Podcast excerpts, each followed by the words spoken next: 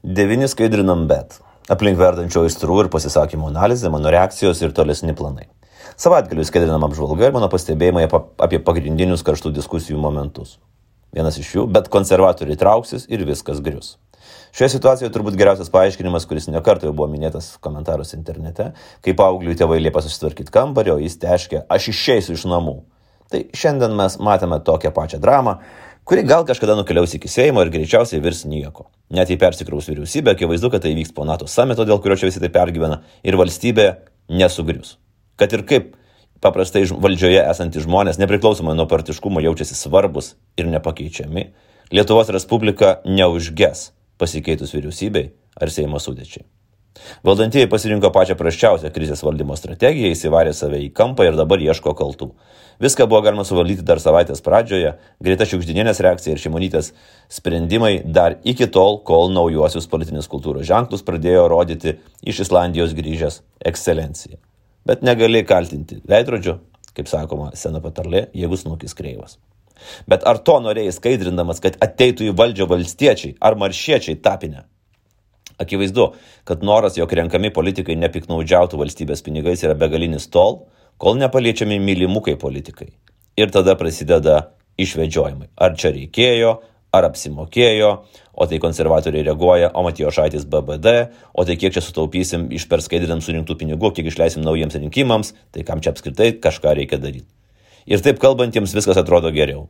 Jau savivaldos įdos atrodo mažesnis blogis, nei kad jų mėgstami politikai nebeliks valdžioje. Dar kartą. Visa laimė, mes jau sukūrėme tokią valstybę, kad ji gali sėkmingai veikti keičiantis valdžioms. Taip joje bus periodų, kai valdys jums nelabai patinkantis politikai. Tačiau mūsų valstybė, ne Rusija, Baltarusija ar Uzbekistanas, kad jūsų gerovė tiesiogiai priklausytų nuo to, koks bus prezidentas ar premjeras. O štai faktas, kad valstybė turi voti, kurią prapjovę skaidrinam ir ištryško pūliai, man vis tiek yra svarbesnis už tai, kaip mes galime pasirodyti per NATO samitą ar kad rudenį pasikeis Seimo sudėtis. Nes skaidrinam parodė, kad mūsų įsivaizduojamuose vakarietiškose ir netgi skandinaviškose, juk Šiaurės Europa galvose vis dar tūno senas šlikštus sovietmečio kirminas, klastotojas ir smulkus piknaudžiautojas. Ir stipriai įsišaknyjas. Tiek, kad Utenos taryboje atsidūrusi jauna TSPMI studentė, šaulė, visiškai naujosios Lietuvos kartos atstovė, ima semtis jai nepriklausančius pinigus rieškučiomis, turbūt vyresniesiems kolegoms pritarimai linksint ir patariant, kaip tai padaryti. Ir tvarkingai paverčiant ją jauna bebre. Ir štai dabar įsijungia prožektorius. Ir jis arba pakeis mus visus, arba tyliai užges ir paliks viską kaip buvo. Aš nusiteikęs padaryti viską, kad jis neužgestų. Kad nuo jo prasidėtų dar vienas mūsų valstybės žmonių virsmas. Prieš 20 metų mums atrodė normalu duoti kyšį policininkui. Dabar tai kažkoks košmaras, gėda. Aš norėčiau, kad po dešimties metų mūsų politikams irgi atrodytų košmaras nesažiningai įsisavinti valstybės pinigus. Natūralu, kad yra labai tuo nepatenkintų žmonių. Štai toks neblogas pavyzdys Šiaulių tarybos narys Gintautas Lukošaitis, vienas artimiausių mero Visosko bendražygių, jau prigautas su išmokomis, nors tai padariau ne aš, o kolegos iš Lietuvos ryto. Na ir tekstinėje versijoje yra čia kaip jis plūstas. Šventųjų konservatorių gerbėjai irgi parašo malonių laiškų, irgi tai yra vienas laiškas. Aišku, bus ir daugiau. Blaiviai mąstantys žmonės visai rimtai man siūlo pagalvoti apie apsaugą, kaip nors išgyvensiu, ne ta šalis. Bet į valdžią gali ateiti maršiečiai ir penktoji kolona. Negali. Dabar jie gali tik užpildyti druskininkų parkelį ir teismo salę. Bet ar mums reikia tokių sukrėtimų vykstant karui? Išsivalyti niekada nebus tinkamo ir ramaus meto. Prezidentas Zelenskis irgi galėjo paskelbti amnestiją korupcijai iki kol pasibaigs karas, kad neskaldytų tautos kabutėse. Bet jis puikiai supranta, kad Ukrainai reikia valytis daug labiau negu kokiai Lietuvai ir kad tai yra ir vidinis karas. Todėl reikia parodyti, jog ji yra pasiruošusi kelionį į ES.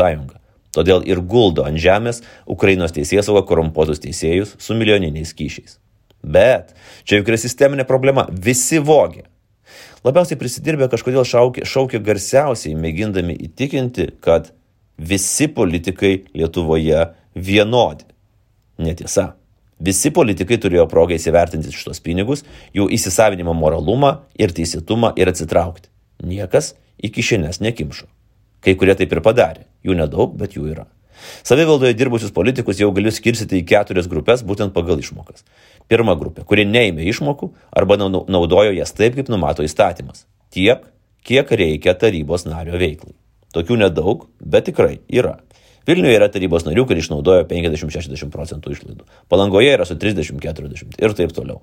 Nepamirškime, yra keliolika savivaldybių, kurios priėmė sprendimą negundyti savo tarybų narių didžiulėmis išmokų luomis ir kažkaip visi ten išgyveno ir sugebėjo dirbti rajono labui. Antra grupė, kurie stengiasi pasiekti išmokų maksimumą teisėtais būdais. Paskutinę metų dieną kanceliarinės perkantis tarybos narys skamba juokingai, tačiau jis nepadarė nieko neteisėto, tol kol tie pirkiniai yra sveiko proto ribose. 5000 įmaučių ar 65 flešiukai nepatenka į sveiko proto ribas. Tačiau čia įsijungia moralės kriterijus. Ar tikrai reikia išsemti tas išmokas vien tam, kad jas išsemti? Juk tai žmonių pinigai ir reikėtų jausti atsakomybę.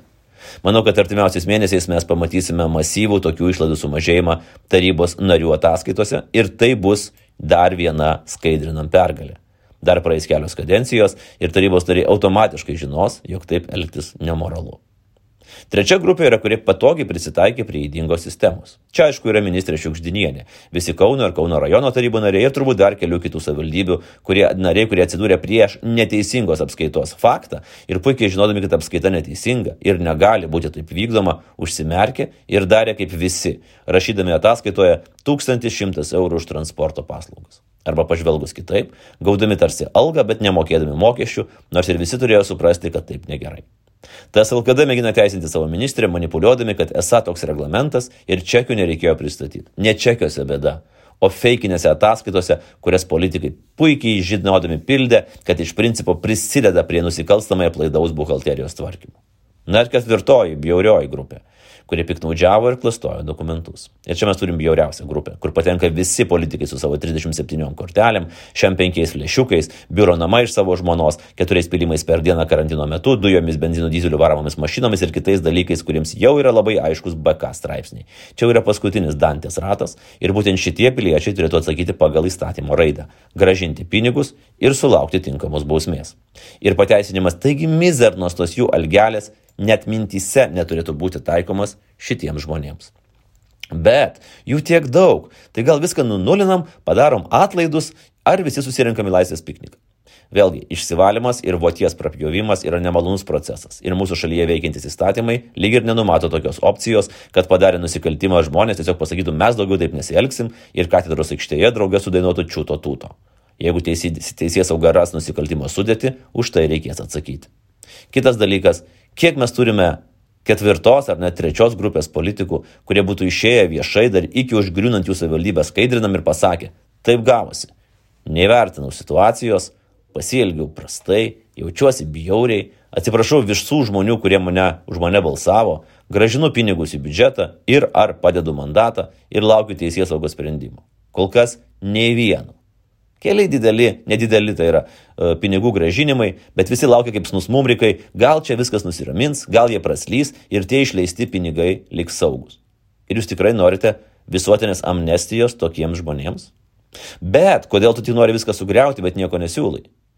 Nes yra jau daug pasiūlymų, ką reikia daryti. Kai kurie beje yra mano paties, kurias perdaviau Seimo nariams ir jie registravo įstatymo pavydalu yra nusiteikimas iš visų partijų sutvarkyti įdingą įstatymą, sistemą įstatymų ir aš nebejoju, kad tai jie padarys greitai.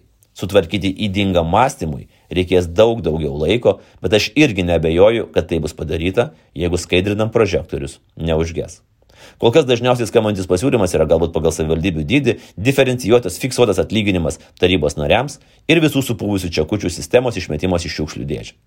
Aš tikrai pritarčiau tokiai idėjai, kaip pritariu bendrai minčiai, kad už darbą turi būti atlyginama ir kad pigi valdžia brangiai kainuoja. Tačiau yra vienas dalykas.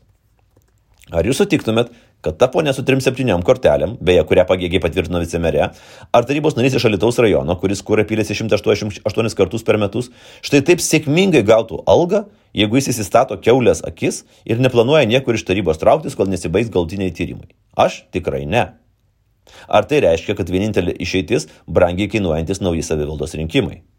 Jeigu nuspręstume, jog norime persikrauti savo apatinę politikos grandį iš esmės ir pamatytume, kad patikrinus visas savivaldybės 80 procentų tarybų, tarybų narių patenka į tą paskutinę bjaurėrę grupę, tai gal šitą investiciją į švaresnę valstybę visai būtų perspektyvi. Tačiau yra ir pigesnis ir greitesnis būdas. Tiesiog nemokėti jokių atlyginimų tiems, kuriems dėl jų veiklos yra pradėti iki teisminiai tyrimai. Ir jeigu jiems iš karto dinktų noras dirbti rajono labui, vadinasi, jo ten niekada ir nebuvo. Bet ir taip sunku pririnkti norinčių savivaldą, o paskaidrinam bus dar sunkiau. Ar tikrai? O gal paaiškės, jog yra žmonių, kurie visai mielai padirbėtų savo rajono labui už adekvatų darbo laiko atlygį, žinodami, kad jiems nereikia kombinuoti čekiukų ir daryti nesąmonių. O gal ir valstybė galėtų žengti žingsnį ir pradėti investuoti į tokių žmonių kompetencijas, ko iki šiol niekada nebuvo daroma. Skustis dėl tamsos visada yra lengviau, nei mėginti įžiepti šviesą. Bet kas toliau ir koks tikslas? Skaidrinam tikslas nesikeičia nuo pat pirmosios savivaldybės. Jis niekada nebuvo skaičiuojamas skalpais ar atsistatydinimais. Gražinti kiek įmanoma daugiau pinigų rajonų ir miestų žmonėms, sukurti naują sistemą, kuri greituoju būdu per įstatymą, o lietuoju būdu per pasikeitimus galvose sunaikintų šitą pikžaizdę visiems laikams. Todėl, kad ir koks būtų nepatenkintų vienos ar kitos partijos gerbėjų užimas, kad ir kaip agresyviai draskytųsi marškinius užuot atsiprašę prigauti politikai, viskas vyks toliau. Aš toliau nuosekliai kreipsiuosi savivaldybės dokumentų, jeigu reikės teismo kelių, su kolegomis juos analizuosim, pateiksim viešą vertinimą, esant reikalui kreipsimės į teisėsaugą. Kitą savaitę pasirodys Kauno rajono analizė, šiandien sužinojau, kad nenorėdama teismo pagaliau kapituliavo Sotsdemo raudonoji jaunava ir kviečia susipažinti su pirminiais dokumentais. Tad dirbsim ir lauksim, kaip tos gervės gėdros, nes ji vis tiek ateis. Ačiū klausysiams.